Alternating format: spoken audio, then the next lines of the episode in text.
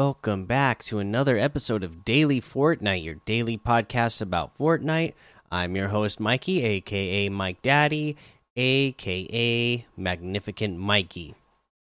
Okay, today, uh, not a lot of news going over. We just want to remind you that uh, let's take a look at the cosmic challenges. They are going away. As of this recording, there's only 11 hours left. So if you're listening to this right as it come out and you haven't finished them or you haven't done as much as you wanted to to get the things that you want, you better get on it. You better do them so that you can get those items that you want. Uh, but let's look at the LTM's for now. Sniper, shootout, solo, one shot duos, team rumble, of course, pro fishing, the ultimate summer uh, clash, uh, pro 100, freaky flights, air royale, the pit, pro red versus blue, uh, bounty, biozone wars trio 1.0, money wars, and battle lab. Uh, speaking of those challenges, uh, for our weekly challenges, where we left off is to experience low gravity with alien nanites or on the mothership.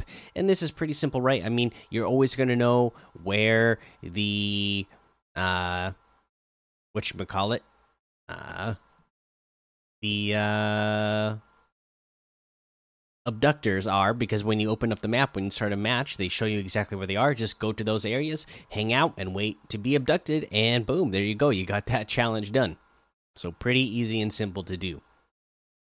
Uh, let's go ahead and take a look at in the item shop today.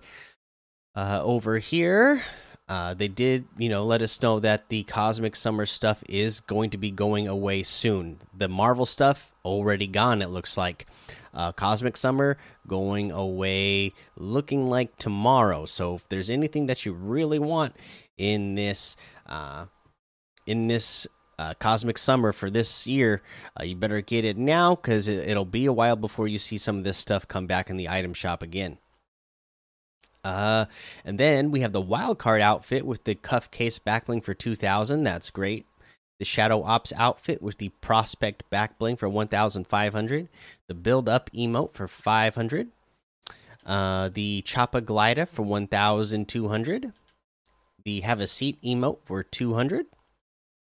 The Tiniest Violin emote for 200.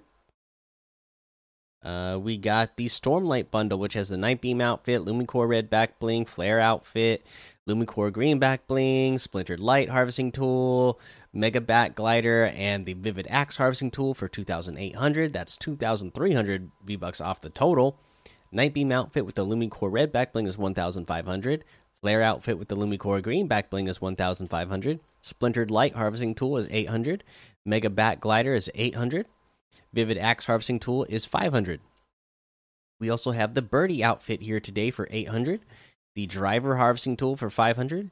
The Relaxed Fit Jonesy with the Beef Pack Back Bling for 1200. The Snacks Harvesting Tool for 500. The Christina outfit for 800. The Sizzle outfit for 800 the Raven outfit with the Iron Cage back bling for 2000, one of my all time favorites. Ravage outfit with the Dark Wings back bling and Dark Feathers contrail for 2000. Iron Beak harvesting tool for 800. Feathered Flyer glider for 800. And that looks like everything today. So you can get any and all of these items using code Mikey, M M M I K I E, in the item shop. And some of the proceeds will go to help support the show. Okay, uh, here is the tip of the day. And I saw this on a it's Jarian video. He talked about how he uh, watched it, uh, Mar uh, FaZe Martoz do this, and wow, it's when you think about it, it's super easy, super simple.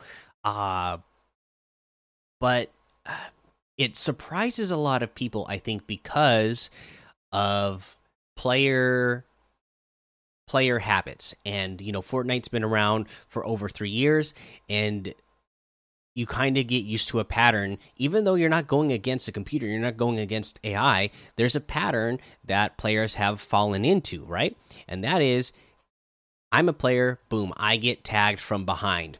I start running away, and I, I got to box up. And then what do I do? I'm trying to heal. So I box myself up I sit in this box and I try to get my heals off. All the while my opponent is running towards my box while I'm trying to heal. And then when they get to my box, what are they trying to do? They're trying to uh, destroy a wall or get on top of the roof and uh, take the roof. Okay, so that they can finish the elimination. Uh, but they are not expecting you to not be in the box. So what you're going to do in this situation is just build a one by one box with a floor and a cone on top. That way it looks just like any regular box would, but you're just going to build one. And the opposite side from where your opponent is, you're going to edit out of the back and then close that wall again so that it looks just like a normal box.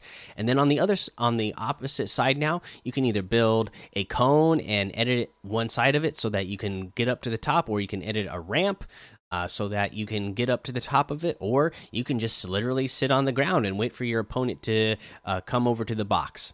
But what they're going to do is they're going to come over they're going to put away their weapon so that they can pull out their pickaxe and try to take your wall.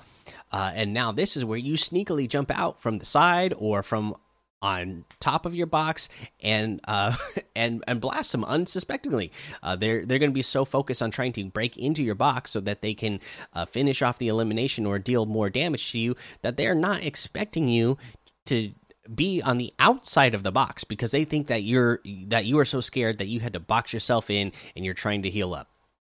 So I think that's a really good tip. And again, it's just changing up the pattern of play. Uh, you know, you throw off your opponents uh, just by doing something that they don't expect, and that can really give you a big advantage.